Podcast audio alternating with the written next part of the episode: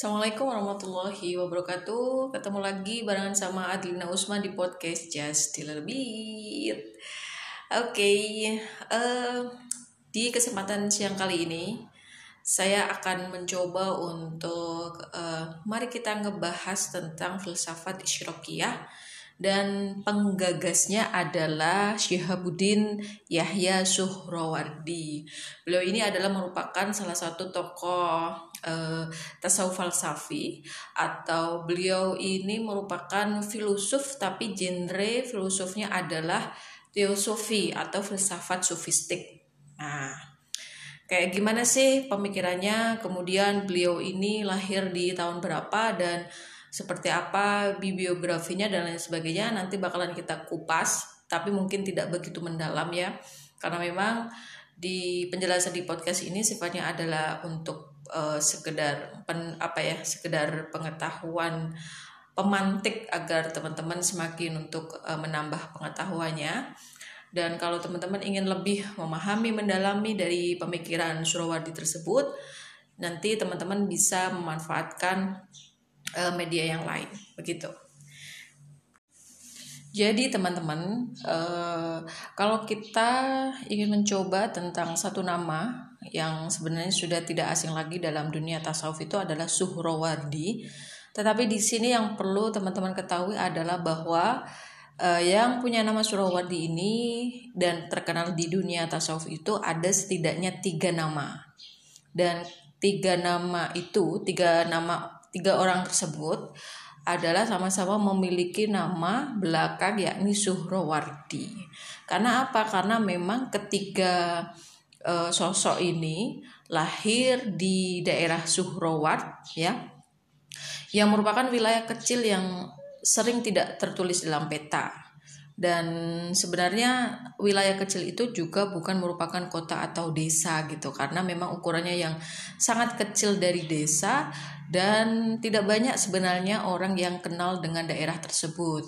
Kalau misalnya tidak ada para tokoh uh, Umar Syuhrawardi, kemudian uh, Yahya Syuhrawardi dan juga Najib Syuhrawardi yang memperkenalkan nama Syuhrawardi itu, maka mungkin saja banyak orang yang tidak kenal tentang Syuhraward itu. Eh, baik ini ada tiga nama yang perlu teman-teman ketahui. Ya, yang pertama adalah Abu Najib Abdul Kohir Suhrawardi yang lahir di Suhraward dan wafat tahun 1168. Kemudian ada Syihabuddin Yahya Ibnu Habbas Suhrawardi yang wafat tahun 1196 dan juga yang terakhir Syihabuddin Umar Suhrawardi. E, beliau ini yang wafat tahun 1234. Jadi ketiga tokoh ini itu e, sebenarnya hidup di tahun yang hampir berdekatan gitu ya.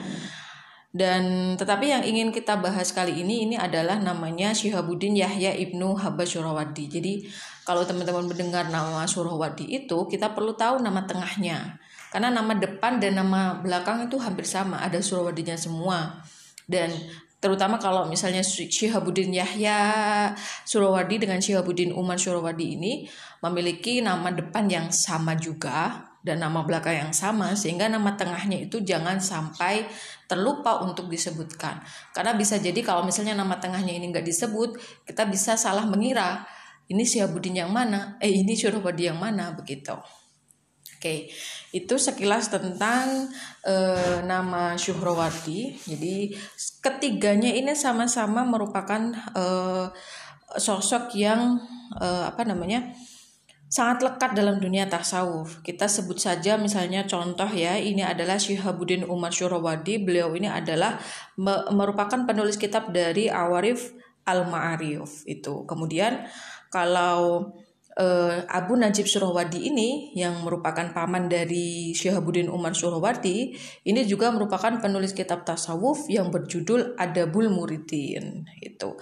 dan merupakan pendiri Torekot Syuhrawadiyah itu. Oke. Dan yang akan kita bahas kali ini adalah namanya Syihabuddin Yahya Suhrawadi yang beliau ini juga e, merupakan apa namanya tokoh dalam tasawuf juga tetapi beliau lebih dikenal dan familiar dengan pemikiran filsafatnya itu. karena memang salah satu guru yang uh, merupakan apa ya namanya uh, guru gurunya Surawadi ini adalah Al Ghazali dan salah satu kitab yang sangat mempengaruhi pemikiran Yahya Surawadi ini adalah karya Al Ghazali yang uh, judulnya judul kitabnya adalah Mishkatul Anwar. Seperti yang diketahui Mishkatul Anwar itu sendiri adalah merupakan salah satu karya Al Ghazali yang di dalamnya itu juga sangat filosof. Nah, terus kemudian temanya juga uh, tentang membicarakan teori tentang cahaya itu. Oke, itu ya. Jadi uh, itu adalah sekilas tentang surah wadi, tapi kita masih sangat di permukaan. Kita mungkin perlu uh, apa namanya sekilas melihat uh, apa ya semacam kehidupan surah wadi begitu ya. Jadi Surawadi yang akan kita bahas ini namanya adalah Syuhabuddin Yahya Surawadi yang sering dijuluki sebagai Al-Maktul atau yang terbunuh. Karena memang eh, beliau ini memiliki pemikiran yang eh, cukup apa ya berbeda dengan pemerintahan waktu itu ya ada banyak eh, ya agak-agak frontal begitu ya dengan pemikirannya dan Suro, uh, Yahya Surawadi ini lahir pada tahun 1155 dan meninggal pada tahun 1191 dan usianya adalah 36 tahun. Oke. Okay. Terus Surawadi ini juga sebenarnya meskipun merupakan tokoh yang cukup uh, kontroversial ya, tetapi beliau ini memiliki uh, sama apa ya memiliki gini banyak penulis yang uh, tertarik untuk uh, menulis pemikiran atau gagasan dari Surawadi ini. Ada misalnya ini baik dari kalangan Muslim sendiri ataupun dari uh, orang Orientalis atau Orientalis itu adalah orang-orang Barat yang belajar tentang uh, filsafat ketimuran. Kita bisa menyebut misalnya di antaranya adalah Syed Ja'far Sajedi yang pernah menulis eh, dengan judul Syihabuddin Surawardi yang diterbitkan pada tahun 1984 di Teheran. Kemudian yang kedua namanya adalah Animerisik Himmel yang uh, menulis buku The Mystical Dimension of Islam dan di dalam buku tersebut juga sedikit menyinggung tentang Yahya Surawardi sebagai penggagas Theosophical Sufism. Jadi bukunya juga masih ada nih di perpustakaan kalau teman-teman suatu saat ingin uh, mencari tahu tentang anime Riset ini juga ada silahkan dibaca ya. Juga sudah diterjemahkan juga. Kemudian yang ketiga ada namanya Mehdi Amin Razavi yang merupakan dosen pada Mary Washington College yang juga pernah menulis makalah pendek tentang genealogi teori pengetahuan Yahya Surahwadi. Kemudian ada Muhammad Kamal, dosen Melbourne University yang pernah menerbitkan makalah tentang konsep wujud dalam pandangan Yahya Surawadi dan Mula Sadra. Mula Sadra belum kita bahas ya. Mungkin akan saya uh, cantumkan di di pertemuan setelah ini, di pertemuan setelah Yahya Surawadi. Kemudian ada John Walbridge yang pernah bekerja sama dengan Husin Ziai yang menerjemahkan hikmah Isyraqi eh, hikmah Isyraq ke dalam bahasa Inggris dan menerbitkannya pada tahun 1999. Ini adalah merupakan uh, sekelumit contoh bahwa Yahya Surawadi ini uh, meskipun cukup kontroversial pemikirannya, tetapi beliau berhasil melahirkan anak-anak intelektual. Artinya beberapa penulis yang banyak mengkaji pemikiran-pemikiran Yahya Surawadi. Begitu. Oke, nanti kita setelah setelah ini kita masuk pada segmen uh, pemikiran Yahya Surawadi ya. Jadi uh, ini di di segmen yang ini kita kita baru membahas tentang kenalan dulu lah sama uh, Yahya Surawadi begitu. Oke, kita masih membicarakan tentang uh, semacam pengenalan uh, apa ya mengenal Yahya Surawadi lah. Tadi di awal saya menyebut bahwa salah satu tokoh filosof uh, besar Muslim yang mempengaruhi Yahya Surawadi ini adalah Al Ghazali. Tetapi kemudian Yahya Surawadi itu melakukan pengembaraan mencari uh, tambahan pengetahuan dan lain sebagainya itu sampai kepada sosok filosof yang kemudian dia anggap sebagai guru spiritual. Ada Aristoteles, ada kemudian Plato gitu. Jadi mereka eh, Yahya Surawardi ini juga eh, belajar ke para filosof Yunani begitu.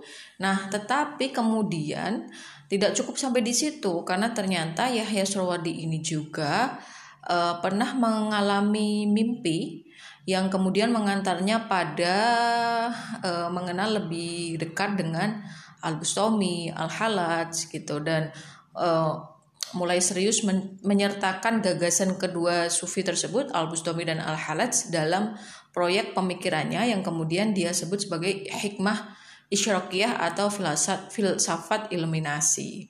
Jadi kalau dicari semacam benang merahnya ini filsafat iluminasi itu di dalamnya juga ada uh, pembicaraan mengenai hulul itihad dan wahdatul wujud. Jadi perjalanan intelektual dan spiritual Yahya Surwadi ini dapat diibaratkan sebagai seperti pendulum begitu ya. Jadi dia berangkat dari Islam tetapi kemudian e, merambah ke Yunani, lalu dia kembali lagi ke Islam, ketemu lagi ke ketemu lagi dengan Al-Bustami dan Al-Halaj di mana e, Al-Bustami dan Al-Halaj ini adalah tumbuh dari e, Islam gitu. Oke, tetapi Yahya Surwadi ini tidak begitu saja meninggalkan Plato dan Aristoteles itu. Dan bahkan empat orang itu tadi ada Plato, Aristoteles, Al-Bustami dan Al-Halaj itu membuat Yahya Surwardi ini lebih siap mengarungi samudra pemikiran tasawuf yang luas dan mendalam begitu. Terus kemudian uh, juga ada beberapa tokoh yang lain. Misalnya Al Ghazali itu tadi kemudian Zunun Al Misri itu.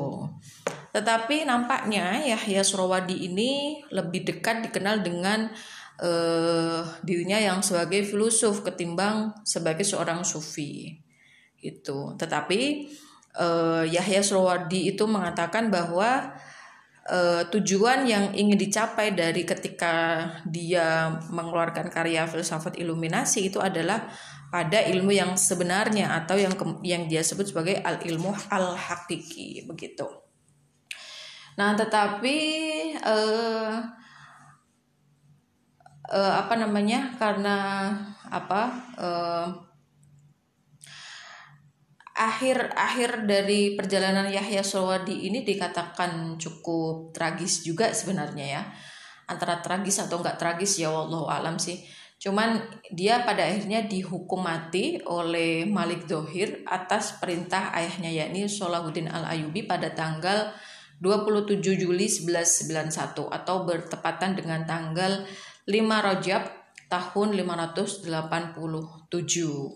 ini uh, apa namanya setelah uh, Yahya Surwadi itu mengeluarkan uh, ciptaannya yang berjudul Hikmah Al Ishraq itu dan ternyata karyanya ini merupakan semacam apa ya ucapan selamat jalan begitulah bagi penulisnya karena memang setelah kitab Hikmah Al Ishraq itu diterbitkan dia kemudian ditangkap dan ditahan beberapa tahun lalu dihukum mati begitu. Nah, Kenapa sih dia kemudian kok dihukum mati begitu? Ya, kalau dari buku yang saya menjadikan rujukan ini, yakni buku arkeologi tasawuf disebut bahwa ada yang mengatakan bahwa motif politik itu sebenarnya berada di balik dari uh, hukuman mati yang ditimpakan kepada Yahya Surahwadi itu. Tetapi sebenarnya alasan ini tuh subjektif karena tidak ada yang namanya bukti-bukti yang kuat yang mendukung gitu. Yang paling mungkin adalah ya karena ia menganut pandangan atau wacana yang ekstrim dan kelewat liberal. Itu sih yang uh, apa namanya alasan dari uh, Yahya Suwadi ini kemudian dijatuhi hukuman mati. Jadi semacam ada kekhawatiran begitu bagi beberapa generasi selanjutnya yang di apa di khawatir uh, semakin liberal begitulah itu oke itu uh, saya kira sekilas dari ya uh, apa namanya kenalan kita ten, kepada Yahya Surahwardi nah setelah ini kita akan masuk pada segmen pemikiran Yahya Surahwardi asal mula penyebab sakit itu apa? Hmm. akhirnya dia ada kekurangan juga. Karena dia berpandangan dengan hukam. Hmm. itu semua penyakit e, bisa disembuhkan karena ada kata nabi seperti ini oh. jadi semua itu masih katanya hmm. dia tidak tidak tahu langsung okay. nah itu kelemahan bekam hmm. terus kelemahan rukyah ya seperti itu okay. contoh kemarin uh, saya tidak menuduh uh, memojokkan si perukyah ya, hmm. sudah sudah sudah benar cuman dia secara wawasan kurang lengkap oh. dia masih terpancang dengan tekstual hmm. kalau misalkan orang uh, orang kena misalkan orang sakit kena benar-benar harus dibacakan ayat kursi hmm. semacam itu kan yeah. nah padahal itu secara tekstual hmm. dia pokoknya dibacakan kui ya kui saya hilang oh. nah, terus akhirnya kita pelajari oh yeah. benar hmm. ternyata tidak semuanya betul oh. tidak 100% betul hmm terus akhirnya uh, dengan seperti itu kita itu ya jalan keluar jadi saya menggunakan model ilmu kedokteran kita pakai mm. uh, yang kita pakai okay. semacam kamu coba pakai cuman kita pakainya secara secara apa ya ilmu makrifat mm. jadi di atasnya itu semua okay. lebih lengkap contoh misalkan okay. ada orang sakit ginjal. Hmm. Kalau di, di ginjal itu biasanya pertama karena di bermula dengan orang pikiran kencang. Hmm. Kalau orang kencang akhirnya masuk ke e, lambung. Okay. Jadilah asam lambung. Hmm. Gitu. Okay. Asam lambung itu kalau orang indigo bisa melihat itu seperti uap. Uap itu warnanya hijau. Oh. Warna hijau naik ke jantung. Naik jantung akhirnya jantung nggak jadi uh, lemah. Hmm. Mempengaruhi jantung. Okay. Lemah akhirnya jadi kok apa perjalanan uh, peredaran darah kurang kencang karena pompa hmm. tidak tidak maksimal yeah. di, di macam itu. Hmm. Dan ketika uh, darah itu kurang lancar kencang, akhirnya bermasalah semua. Hmm. Ginjal bermasalah, hmm. terus uh, lama-lama pankreas jebol pada lubang-lubang akhirnya hmm. tidak bisa menyaring dengan maksimal uh, itu apa darah akhirnya jadilah terjadilah darah kotor terus hmm. jadi darah. Hmm. Nah, ketika darah kotor akhirnya dia jadi menggumpal menggumpal jadi penyumbatan okay. penyumbatan akhirnya bisa jadi stroke bisa macam-macam hmm. semacam itu nah kita pelajari itu dari ilmu marifat hmm. marifat terus akhirnya oh ini harus kita bedah kita pakai ilmu kedokteran oh. cuman kita bedanya eh, pakai semacam eh, istilah apa eh, gaib berarti misalnya okay. okay. kita bedah terus buka kita potong kita potong cuci cuci oh. sudah bersih masih belum belum kita pakai ayat berarti apa ya ya kan berarti proses niku pakai nih nggih ilmu makrifat niku nggih hmm. oh jadi itu lebih lengkap oh nah ilmu makrifat itu bukan katanya hmm. kalau orang-orang ya karena kan dia mengambil dari hadis okay. kanjeng Nabi bilang okay. ini misalkan timbul kulo dari ini kanjeng Nabi hmm. bisa ini kalau hmm. kamu bagian itu kan masih katanya hmm. Nah kalau katanya dia itu tidak tahu sendiri itu kurang kuat. Hmm. Makanya orang-orang makrifat kalau kalau istilahnya orang koreko yeah. itu kalau naik lagi kan semacam itu dia yeah. tahu bisa tahu semuanya. Hmm. Jadi sesuatu yang yang tidak masuk akal seperti masuk akal. Eh, kayak film kartun lah. okay. Jadi kita beda misalkan jantung. Jantung itu degupannya pelan, de, okay. de, de, terus uh, kita pakai ilmu arifat kita uh, minta langsung sama Gusti ya Allah Soalnya orang-orang orang-orang yang marifat marifat itu kan harus harus bolo berarti. Orang-orang marifat itu yang orang-orang toreko yeah. orang itu sudah terbiasa. Jadi dia karena bisa terlalu cedek hmm. saobai pikiran es Allah nah dia itu anu uh, minta apa pun sama Allah dikasih. Hmm. soalnya pada ini dunia guys gak apa apa hmm eh gak berarti hmm. terus akhirnya aku buka wawasan sama orang-orang seperti itu coba kamu uh, jalur anak Gusti Allah. Hmm. jadi sing kanggo no jantung sing lemah iki anggo ayat apa oh. Terus akhirnya minta ya Allah sekarang dia ngomong sebentar sak tinggal nganu ngenteni 10 menit. Kok hmm. baru dikasih tahu. Tenang ini 10 menit muncullah ayat. Maria Latov oh. Latov dibaca empat kali dibaca terus jantung langsung cepat dek dek dek dek dek dek dek dek oh. gitu sudah kenceng langsung dikunci. Hmm. kunci terus stabil. Ketika stabil yang gue ini langsung nyuruh kita kita disuruh. Mana kita nyuruh kok kaputan hmm. dibantu. Bantu pakai tenaga. Oh. akhirnya dia langsung banter. Nah oleh sebagai ngono oh ini kita kok kotor banget nah gumpal hmm. kita pakai ayat ganti ayatnya ganti sing sing model panas contohnya air kursi air kursi mengandung panas oh. kita pakai ayat kursi nah terus ayat kursi ini kok ada ayat sing terakhir dibaca sembilan kali atau tujuh kali itu ada hmm. kunci oh begitu dibaca ini langsung mencair gumpalan hmm. itu soalnya kalau panas mencair mencair mencair langsung sirkulasinya banter. Hmm.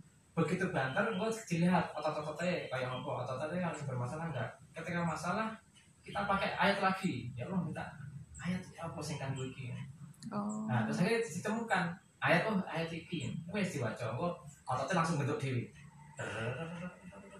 hmm. bentuk. Setelah bentuk kunci terus uh, wes beres. Iki terus delok dekwane jantung wes bagus saya ki asam lambungnya asam lambungnya udah dicuci ya kita cuci kita potong hmm. kita potong cuci dan cucinya itu airnya juga dibacakan sesuatu terus eh, air ini seperti ini ibaratnya kayak uh, tayeng nanti tayeng eh, tayeng itu disiram nganggo air keras kayak orang kayak hmm. jadi jadi resik kan yeah. nah secara resik jerumnya dibelah delok ya resik jadi resik wes pasang mana ya hmm. Terus jadi ngambil ilmu kedokteran oh. semacam ngono. Saya nggone ginjal ya ngono. Ginjal itu nek wis rusak rupanya ireng. Hmm. ireng. Dan itu wis dicopot potong dikubah. Hmm. sampai bersih rupanya sampai bener malah kayak hijau-hijau yang kayak apa namanya nah itu berarti sersik pasang. Hmm. pasang terus mau ganti pankreasnya. Pankreasnya kok bolong-bolong dia ditempel. Tempel sampai sempurna. Itu sempurna sudah utuh kunci kunci langsung dikubah dikubah pasang hmm. terus sambung terus akhirnya tutup ditutup. Ditutup nah terus ini air. Hmm. air wes besok saya habis. Niku berarti proses itu semuanya tidak tidak medis ya tidak medis sama sekali ya nah kita pakai ilmu marifat hmm. lah medisnya air bu ya akhirnya? Okay. nah kesimpulan air. Hmm. saya baru mendengar ini prosesnya seperti itu pengobatan. Uh, luar biasa belum sekali sing, sing modelnya makanya kebanyakan ngerti pengobatan model kita udah bingung pengobatanmu kok itu saya sebenarnya pernah mendengar Gus tapi tidak pernah mendengar langsung hmm. dari sumbernya langsung soalnya kebanyakan mau itu uh, nganu monoton hmm. misalkan rupiah ya tok okay. dia dia enggak tidak membedah wawasan yang di dalam itu hmm. nah eh, kayak kita kan soalnya bahwa rupiah identik orang yang yang mensirik-sirikan sebenarnya ini kono kelemahan Oh, pripun niku maksudnya? Nah, wong sing nganggo donga saliyane ning Quran. Nggih. Ya, contohnya mantra. Oh, nggih. Iku kan Quran ini kan sih kabeh. Hmm. Pokoknya sing gak Quran gak oleh. Hmm. Padahal ada yang muni nih, ya Allah aku jaluk, itu gak Quran. Oh, nggih nggih nggih. Padahal bisa Allah kan apa wae sing sifatnya jaluk ya Allah itu gak sirik. Hmm. Tapi kan dari kan oh iya. Iya, iya, iya. contoh sampean misalkan jaluk uh, selain Gusti Allah nek jaluk eh gak oleh kan itu dia terpancang dengan teks teks hmm. nek teks terkenal jaluk selain Gusti Allah gak oleh hmm. ini ngomong apa ya selain bener gak oleh hmm. padahal dia jaluk yang mau oleh enggak pak jaluk dia itu bahasa mereka jaluk selain Gusti Allah enggak? Iya kan? Nah dia gak dibedah nih kono. Jadi uang itu belajar ayat atau apa pun harus secara kontekstual. Hmm. tidak melulu apa adanya. Kadang-kadang hmm. ayat itu harus apa adanya kadang-kadang ada secara kontekstual yang harus belajar. Oh. contoh mana bermanakib. Itu uh, kan orang uh, cerita sing uh, umat umat Nasrani karo uh, saya berarti kader Nasrani anu debat masalah uh, nabi apa mengujuk mengutamakan nabi-nabi ini. Hmm. Nek sing Kristen apa dene ngatur-ngatur ke Nabi Isa paling hebat. Nek sing si sini sing Islam itu uh, mengatakan hari Nabi semakin hebat. Akhirnya hebat kan. Dan akhirnya dia cerita sing Kristen eh hebat Nabi itu Nabi Isa ini bisa mau mati. Karena saya terus lewat. Apa? Anu Nabi udah hebat. Soalnya apa? Dan ini sore mau mati. Ya sini aku aku ora ora ora ora Nabi Muhammad aku umatnya ini hmm. eh saya boleh nong kuburan yang paling kuno boleh eh terus ditanya dia nabimu nabi Isa ngurep no ngurep no wong mati iku nganggo lafal apa kumbi idinilah urep urep hmm. nabi Isa ngono yes iku pakai kumbi idinilah berarti dengan izin Allah. Yeah. saya terus ilmunya kumbi idini hidup no dengan izin hmm. saya bayangkan. Hmm. dengan izin saya kan bisa Allah. Urek hmm. ternyata apa? Memang dipetik bahwa eh, saya dapat ini tidak apa tidak eh, dengan tekstual tapi ketika dia membelinya dengan izin saya tapi artinya Allah. semacam itu kita seperti itu. hmm. Secara kontekstual mereka itu terpandang dengan tekstual akhirnya ini mudah menyalahkan oh. nah kekurangan di rukyah kebanyakan seperti itu. Hmm. Akhirnya orang-orang NU membuat rukyah juga untuk wajah itu. Nah, itu akhirnya.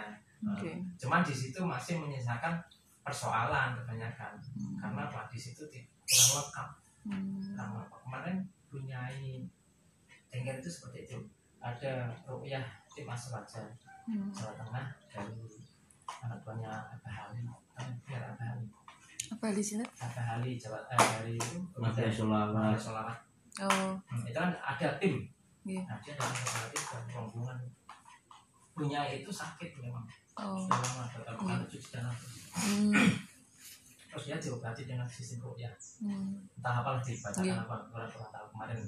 Terus aku waktu itu akan ngaji sama Yai Sunyani hmm. saya pas kita sama ya Pas kalau uh, ada waktu saya mau mampir ke situ hmm. satu mampir ke situ nah, lihat istrinya itu ternyata masih sakit hmm. uh, pankreasnya itu bolong-bolong rusak hmm. terus uh, apa uh, ginjalnya ginjal juga rusak terus jantungnya lemah hmm.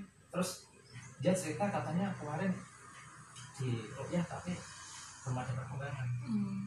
terus saya saya bilang ronyahnya gimana terus cerita gini gini ya pantesan karena seharusnya ruyah itu harus lihat ini degup jantungnya pelan enggak oh. kalau pelan harus di dibuat ya agar cepat gimana caranya hmm. lah di ruyah kok nih ini jantungnya gak dibenak no terus uh, ginjalnya gak dibenak no oh. terus uh, asam lambung gak dibenak no ya sama saja gak berubah hmm. terus di situ masih banyak apa ternyata disandet itu mau ono hmm. paku nih ono ono iblis wah ini seru. Oh. Dan ternyata dia ini gak mampu ngetok ke kuwi makanya levelnya level satu. Royah royah royahnya mm -hmm. jadi di dunia seperti itu ada levelan. Satu dua tiga empat sampai data hingga. Hmm. sampai malaikat kan. Nah, terus ternyata di situ kita coba munculi terus akhirnya dengan metode kita saya tidak ubah hmm. langsung pagi tadi sudah sehat oh ternyata seperti itu hmm.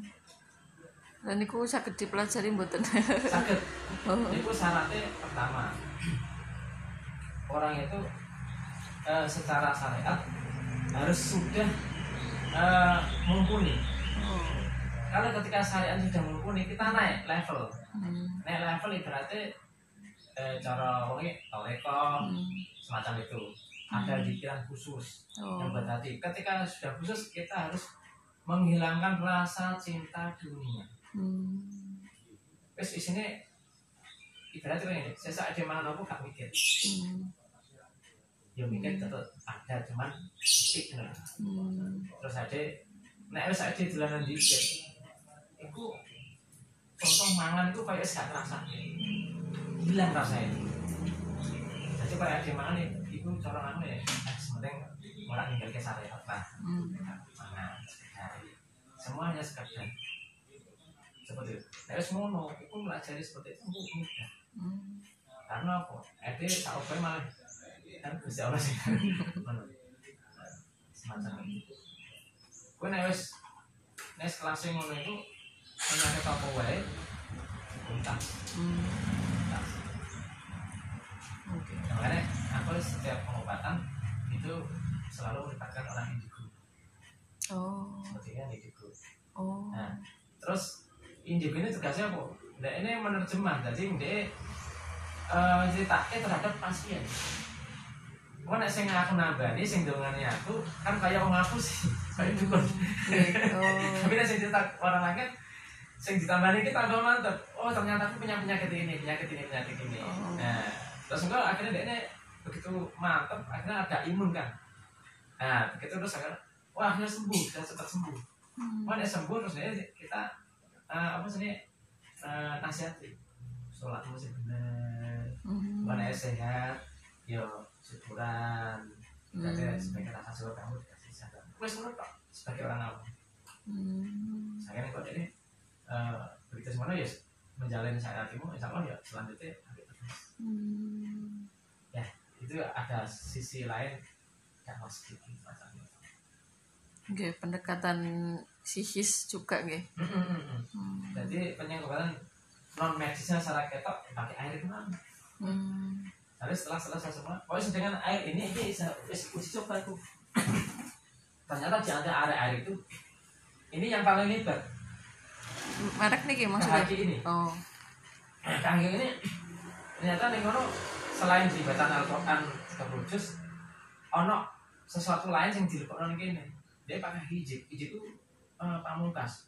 Ini sifatnya hijab itu penyerang, menyerang. Hmm. Terus ini begitu pakai ini apa jenenge uh, gula nggih bablas terus paru-paru kotor sing paru-paru kok bablas langsung modelnya lalu loh terus akhirnya kita pengobatan di Jakarta pakai ini akhirnya. Oh. penemuannya asalnya nih daerah pengobatan masal nih kerandu. Nih kerandu. Oh geng nah kerandu itu malah nggak sengaja iki urung urung tak poles jumbil itu gulanya langsung larut. Hmm. Saya ngerti di ya nanti saya tahu gini kok belum di dibuahin kok sudah ada tuh apa ya disepak lagi? Ternyata benar hmm. Terus nah waktu di Jakarta air ini yang kita belum poles eh, kita ambil dua sampel. Yang satu air air mineral fit. Fit ya kan kita okay. nah, yang mereknya fit nah, kita itu. Satu satu botol ini juga satu botol. Terus yang fit itu aku poles dengan doa. Yang ini tidak aku polis dengan doa. Oh, okay. terus ada orang uh, ada dua orang itu sakitnya sama. Ada gula ada okay. macam-macam terus kita kita minum suruh minum yang satu hmm. suruh pakai minum fit yang sudah aku poles yang satu minum ini yang aku, belum aku poles hmm. ternyata kalau yang minum fit yang aku poles itu masih ada sisa oh. kalau yang ini belum aku poles itu sudah bersih semua hmm. terus akhirnya kita pakai ini seperti itu Berarti niku nggih ini nggih menurut informasi Indigo niku wow nggih. Hmm. hmm. Soalnya nek sing aku ngomong kan kayak anu. Jadi kayak apa ya? Kok kamu ngada-ngada harus ada hmm. orang lain yang bicara. Nah, hmm. orang Indigo misalkan tidak satu orang, kita punya empat. Hmm. Empat yang, yang sudah kita pilih yang lolos tes. Contoh, oh. orang Indigo yang sudah lolos tes itu adalah orang yang bisa bicara dengan pohon pada bunga semacam oh. berarti nggak nggak nggak nggak super indigo ada tesnya juga ya ada tes kita tes oh jadi sifatnya dia seperti apa ya uh, seperti visualnya mana ya berarti ya punya oh. seperti itu. Bisa melihat misalkan uh, ada angin. Kamu bisa bicara mengenai enggak kita tes. Kalau nggak bisa kita ajari lu niku misalnya ngapusi nonton tiangnya? Kalau satu orang bisa ngapusi? Kan empat orang misalkan. Oh. Makanya orang itu kalau kita tes itu ngapusi nggak ngapusi kita tahu. Berarti standar pengetahuan indigo itu sama gak masing-masing yang punya indigo indigo itu paling dasar ada melihat Gih. Hmm. bisa melihat contoh bisa melihat makhluk lain Gih. itu paling dasar hmm. ketika sudah mendapat itu kita langsung ajari hmm. ajari ini indigo templean apa indigo alami original hmm. nah kalau templean nggak bisa hmm. biasanya tapi kalau original pasti bisa hmm. kita ajari cepet tes tes tes tes, tes. kamu bisa bisa masuk ke tubuh orang enggak kalau ori itu cepat bisa hmm.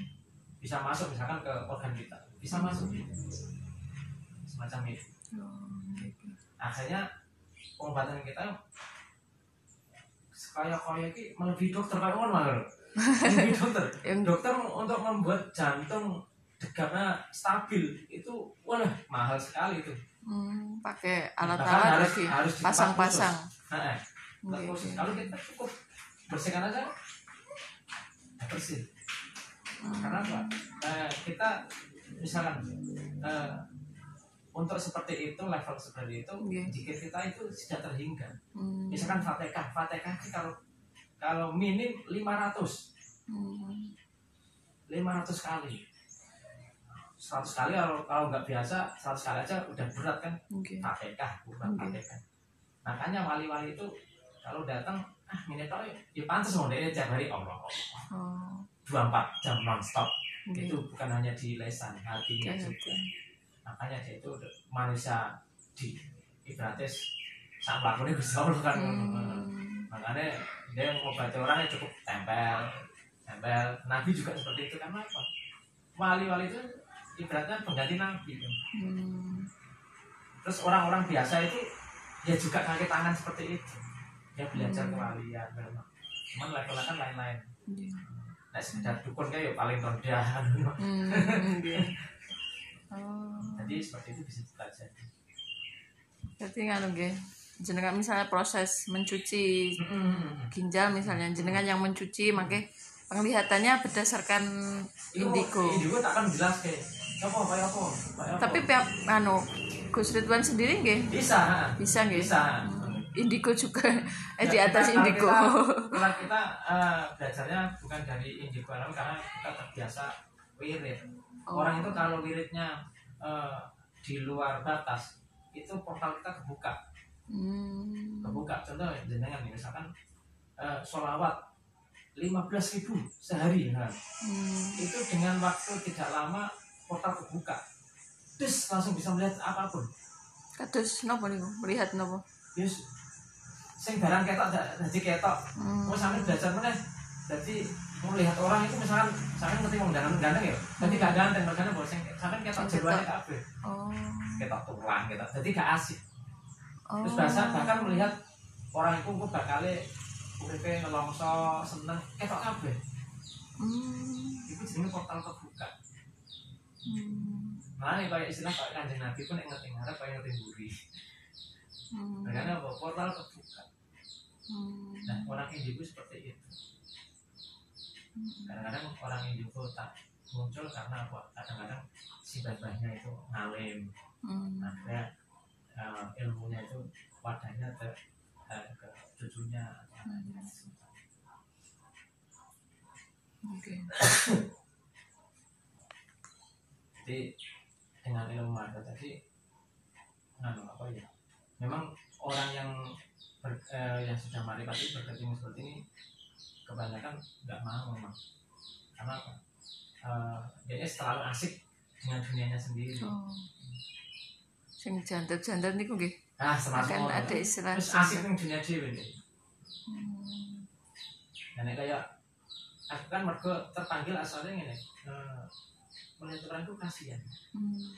sampai cedera sawah sampai enggak kamari hmm. ternyata diganggu oh. ya kan? kan banyak sekali contoh ini ini hari banyak orang yang kena corona bisa sembuh okay. nah kemarin hari minggu saya menemukan metode hmm. baru untuk menangani corona itu itu oh. dengan ini oh saya mencoba uh, coba corona ini ini so enggak okay pateni hanya bisa hmm. pateni iso terus bahasa bahasa iso itu jadi koyo angus ini. Angus dari angus terus busa busa dan terus dikasih minum. Air putih namanya di dikasih itu kan. Terus diumbi terus mulai diumbi ini wong ini engko bakalnya kena corona enggak? Hmm. terus akhirnya anak corona. Kan wong kena corona kan bawa, bawa apa pun kan nempel. Hmm. terus akhirnya coba corona itu demam Duh, di demam itu gak kandil kok. Oh. terus akhirnya oh berarti ini aman nanti setelah delta ini terbebas corona oh. akhirnya mantri sampai tawar-tawar ke nah, sampai nek ono sing corona tawar coba praktek sih hmm. suruh aku suruh praktek di bangkit ternyata berhasil. Ya itu apa? Kan yang corona pertama. Yeah. hadrose hadron nabi sak sak betul kayak kata mengenai terus terakhir hadron yang aku penyambung. Oh. jadi kayak ibaratnya mutasil setrum.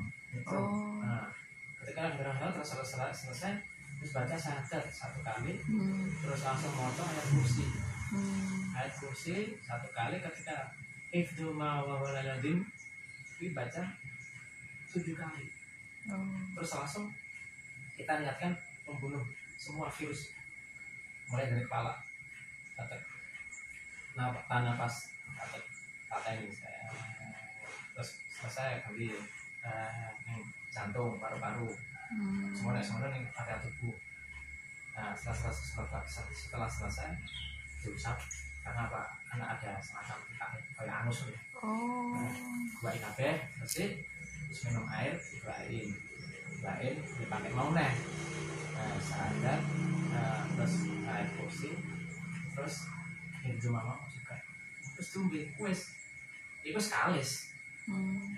demok wae makanya aku nih dingin itu gak pakai masker. Misalnya kita ngerti kan oh. nah, bahwa virus itu nek saja seperti itu kalis demoknya gak ini gak, gak, gak nempel. Gak nempel. Gak hmm. nempel ternyata. Itu baru penemuan kemarin. Teng beriki ya nih bener kamu garing oh teng bareng eh, pas aku namanya kan orang kena corona. Itu orang hal galau telepon. Itu baunya gak iso ya ngono. Oh. corona itu Nah, kita ke sana. Wah, kan kono belum sak kurang-kurang corona kabeh. Oh. Terus kita obati satu-satu. Hmm. Satu belas selesai yang hifdzu human itu dibaca berapa kali bu? Tujuh kali. Tujuh kali. Nah. Terus pas nyekrining niki mau nggak baca apa-apa tapi. Eh suara pak, saya batak. Batak kan, mengeluarkan apa kayak apa hawa. Oh. Nah, jadi kayak hawa panas itu. Nah, sekarang. Jadi oh. mati gitu. Batak jadi sedikit tahan nafas, ini batak. Kayak kayak di laser gitu kayak. Ah, saya di laser. Kok mati gitu. Mati. Terus kok sing paru-paru yang ngono kabeh terus seluruh badan terus setelah selesai langsung disapi disapi sih dingilang oh. nah sekarang gue mbak dari bayi diminum heeh harus diminum hmm. wes setelah itu wes beres harus neng di kalau sama sekali beres ranempel pencegahan gak sakit gak hmm? pencegahan pencegahan ya yang aku ngono gitu oh. Hmm. oke. Okay. nanti dipraktekkan di rumah. Nah itu pencegahan. nah mana sampai omonganku bener gak sampe golek sing indigo oh. Sampe golek indigo kon delok. Aku tak praktek ini sing ngono. Eh bener gak kon delok. Hmm. tapi syaratnya indigo mbok tes dhisik. Tes sing ngene. Kayak kita kita jantungku enggak ketika dia bisa melihat jantungnya jenengan hmm. bisa melihat darah mengalir nah baru mbok tes itu mah oh. soalnya nek indigo nya gak iso delok ya percuma harus bisa melihat aliran darah oh. nah, syarat syarat agar bisa melihat aliran darah lo dia berarti bisa gue oh. untuk memastikan benar-benar indigo nopo mboten ngoten hmm, sampai tes Ya saya ini indigo jari Lah yang ngetes harusnya tahu juga ya. Enggak, ya ini minimal sampai takut. Sampai hmm. bisa ketok darah aku enggak. Oh. Soalnya aku ini aku cukup jantungnya iso ketok enggak sampai. Hmm. Nah, dia iso ketok kabeh darah harus sampai tes ngono. Jadi dia ngeliat corona iso. Hmm. Sasane ngono. Hmm. Nek kayak mereka kan cuma delok satu koyo ngono kuwi paling dasar kuwi. Hmm. Nah, ini dulu juga seperti itu. Hanya melihat anggur kok. Aku oh. suruh lihat jarang nggak bisa. Ketika kita ajari langsung bisa. Ini dikit-dikit nih kuwi. Nah, langsung bisa. Kita bukakan dulu. Kita buka panjang oh. sih, buka. Dicek dhisik berarti lah. Oh, Nah, baru bisa tapi tadinya sudah punya bakat ya hmm, ada bakat kalau yang tidak punya bakat sama sekali sakit betul bilangnya jikir oh jikir jikir jadi jikir sing sing di luar batas dan istiqomah ya ah, terus itu akhirnya kali kebuka. Hmm. makanya orang sing diwangi poso orang kayak ya. Hmm. nah terus sebenarnya pengen kebuka portal semacam itu. Hmm. nah contoh sekarang ya. Coba nah mbak Eka kalau pernah gak nggak ada resihan ya bener. Terus kayak paru-parunya kotor nggak? Terus terus gane jantungnya normal. Normal kalau bagus lah nah, seperti itu seperti itu. Jadi memang bersih gak anak virus. Jantung gak normal gak mas? Kelihatan? Kelihatan normal. Cara mengalir lancar. Mengalir lancar. Kadang memiliki dari segi pikiran ada slow hmm. itu jantung nggak pengaruh oh gitu. tapi nek wong akan pikiran akan masalah wong pengaruh hmm. soalnya musim lainnya nih lambung hmm. kebanyakan ibu-ibu ibu-ibu hmm. sing wis keluarga sing umure di atas 40 tahun biasanya mulai problem oh mana kolesterol harus siap-siap ini Cuman saya jenengan teng Solo Tiga nggih niki apa? Solo Tiga. Ya IN Dan sudah punya banyak murid. saya dilarang buka murid-murid karena kemarin pas di Jakarta kita nyoba uh, uh, apa uh, ngajarin sebagai murid waktu pas di sana ada monakib saya nyoba berjalan pas hadir kita mau coba mengajar pertanyaan ini kita mencoba uh, membuat menjadikan ini murid murid dengan pun hmm. oh, ternyata kamu belum saatnya membuka murid oh. kamu harus nangani sendiri hmm. nah, akhirnya kita batalkan untuk murid hmm. akhirnya semacam itu kalau ada yang ikut kita ikut kita ajari seperti itulah hmm. tidak ingat buka murid hmm. nah belum saatnya oh sudah berapa tahun tuh anu aku itu semacam ini medali-medali baru uh, mulai Agustus. Ini 2020 eh oh. ya kan barusan kan? Dulu itu saya nggak minat seperti ini nggak minat. Oh. Cuma punya cuma punya dasar sedikit. oh. terus waktu kita di Pancasila itu kan uh, kita suan sama uh, Kiai Pondok sana dia sepuh. Uh, saya dikasih tugas hmm. tugas sesuatu lah. Terus akhirnya saya dibilang ini anu anu kan sampai nggak iso tekan ini ya? Kok tekan nambah ini gue nggak seneng lah hmm. nah soalnya aku basicnya kan ini kono okay. terus saya terus lah mau bikin aja iya aku bikin kitab. Kitab juga tebel-tebel. Hmm. yang eh kalau buka ternyata ilmu-ilmu semua hmm. ada ilmu hijab ada ilmu asma semua. Oh. macam-macam. Ilmu kuno-kuno yang orang jarang tahu. Terus nih kono ini aku melajari semuanya oke okay, orang kita aku sampai mati pun belum bisa kata hmm. ingat teman jenengan di antara dua kitab ini sing sing sampai pelajari apa? Sing ibaratnya sing untuk hari-hari lah sing hmm. senengi. Sing tak senengi ya loro iki. Hijab asal kalau hijab ini kemauan sakit? Kasih aku minta semua powernya hmm. dikasih ya wes power masuk HP terus akhirnya aku masih setengah hati untuk untuk untuk mengobati orang ternyata takdirnya menggiring aku hmm. tiba-tiba aku dari pabrik eh, dikasih tugas ke Jakarta hmm. walaupun dilalah ya hmm. di Jakarta di Jakarta ketemu teman-teman eksak TPS oh. mana dilalah nih pas jago-jago orang jual tombol. Aku buat ditambahin coba. No no no terus saya cobalah kita tambahin pakai media telur pertama hmm. itu. Sembuh. Hmm. nah sembuh tiba-tiba aku ditelepon. Anu besok uh, malam minggu jenengan tak aturin yang banyak pondok pondok cengkareng. Hmm. apa ya ngobatin. Hmm. nah rumah saku ngobatin mau sisi loro hmm. bahasa di mana juga pengajian. Oh. Wong petang puluh kaget. Ikan ya cara anu wong jalur obat kan hmm. dan obat itu apa jenengan kebetan kok aku belum pernah loh hmm. akhirnya aku bingung dengan kebingungan itu akhirnya aku ya tahu baca saya sana lah hmm. tahu baca aku satu persatu sampai jam 12 malam hmm. ternyata setelah itu banyaknya sembuh hmm. mulailah setiap minggu akhirnya hmm. hampir malam minggu aku suruh berkenan hadir situ hmm. terus ngobatnya sampai akhirnya aku ketemu apa sih wong sing makrifat tambah tukar wawasan sisa hmm. selama empat bulan berarti empat bulan terus aku jangan balik. Hmm. karena cak sampai pulang ke Jawa saja jadi sampai orang perlu sing cari lagi. Hmm. jadi saya ini kawasan wis sampai untuk kabeh. Terus kalian Jawa. Orang yang Jawa nambah nih wong sing di perlu diantisipasi itu wong ketakinan wis kita oh. Sampai satu pulang. Hmm. seperti itu sampai saya di dalam Neng ngomong saya malah uh, ada tuang demoro. Aku nggak ngerti. Memang terus aku akhirnya eh, nggak lama aku sowan ngene Mbak Supar. Mbak Supar itu termasuk guru dancer. Hmm. Ya, Pagar Musa yang di atas yang di ketasan jurusan Kopeng. Hmm. Ketika aku sana, uh, aku disuruh pulang. Jangan mereka besok mawon atau maghrib. Hmm. Sampai aku ya mengiyakan kan mau ini mau sepuh ya sepuh dia dia sakit satu berangkat rumah terus waktu maghrib itu terus. Bilang pas mobil. Hmm. akhirnya sampai kono aku baru baru maghriban yang kono ternyata nggak rumah ini apa panggung.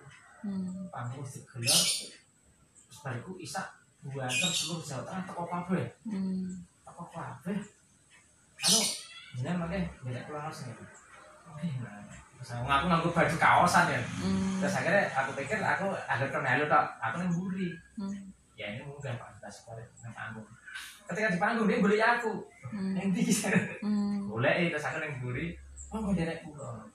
Oh pikir lah aku akhirnya maju. Hmm. Romal aku aku maju ki aku orang kan nggak panggung. Aku lihat ini sok hmm. lu mau kamu enggak kamu enggak aku bingung lah kok enggak piye terus akhirnya aku udah mudah so aku perlu ngapelung ngetok isane. Hmm. makanya aku nih kono aku baca orang hebat hebat orang kiai juga kiai duduk kiai hebat dari uh, Jogja jenis sopo lali?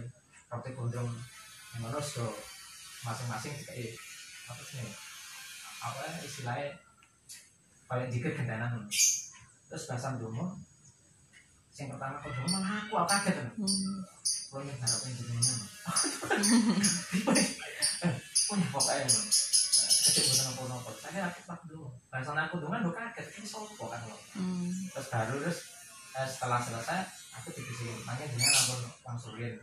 Rin oh rin. Ketika aku eh, selesai acara aku nengkono sama aku bilang hmm. Mau gak ngerti saya ngerti dia cewek kan, cuman aku ya wis mudeng. Ternyata dia bisa melihat wadahku, oh. oh. Terus karena kiai Pancasila gak mungkin ngasih ilmu sampean sampean wadah gak cukup. Hmm. Soalnya dua kitab gak mungkin cukup nih kalau sama.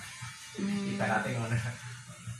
Ya saya kira satu terus jalan pengestensi sama hmm. ya saya terjadi hmm. semacam akhirnya berkembang jadi sampai-sampai aku nih gue ini akhirnya berorientasi dukun-dukun. Yang sampai sampai setiap yang sehat ini gak belum gak belum apa ya tadi gak belum narik narik aneh ya wes maju mundur mesti kan oh. naik maju jabut ilmu mulai selesai. Hmm. sampai neng ini neng gone demak itu akeh sing ilmu itu jabut. Makanya yang ngengkang ngengkang oh. sampai orang-orang sekolah itu wah terus sampai nak jenengan nak jenengan sopo jepora terus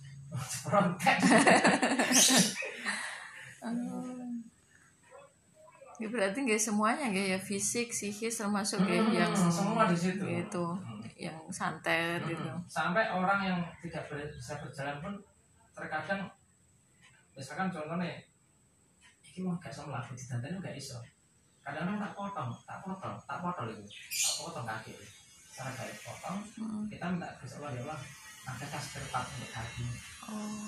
ternyata kadang dikasih kadang. Ketika dikasih berbentuk kaki ya kita langsung pasang. Oh. pasang langsung sambung. Udah lagi kalau resolusi di benak ototnya insya Allah nanti lambat tahun dengan proses jalan. Hmm. seperti itu. Misalnya jantung digandani dikumbah kok gak iso ternyata rusak. Ya wes itu dipotong dibuat dari spare part.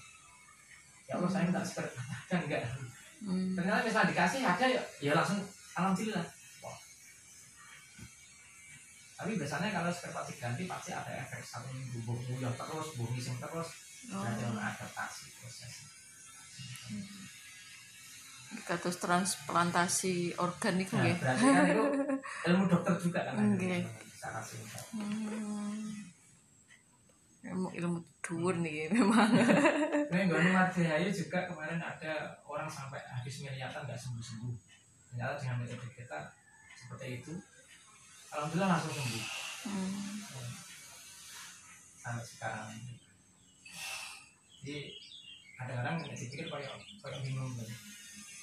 Mau apa? Aku dewe bingung kan. Hmm. Ya apa? Bayangkan orang yang tidak bisa cium ya, terus kita tebalkan penciumannya, pasang, eh, tebalkan. Udah, aku proses langsung bisa. Oh.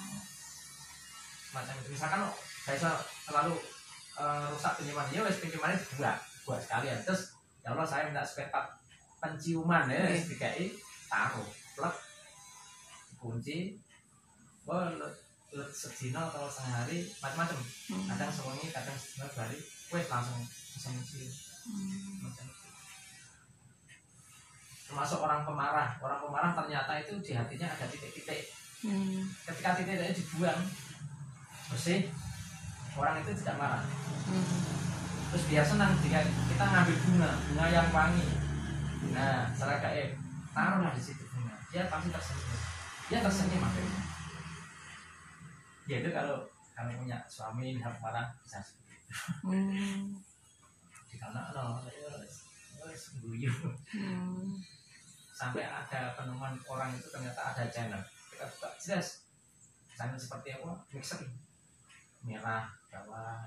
Itu salah kehidupan. Misalnya oh ini eh, pemarah. Ya wes.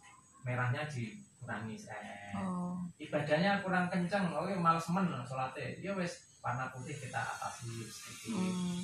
ternyata ada seperti itu. Yang seperti itu ya orang-orang makrifat yang orang-orang level dukunnya orang asma-asma nggak ngerti Oh.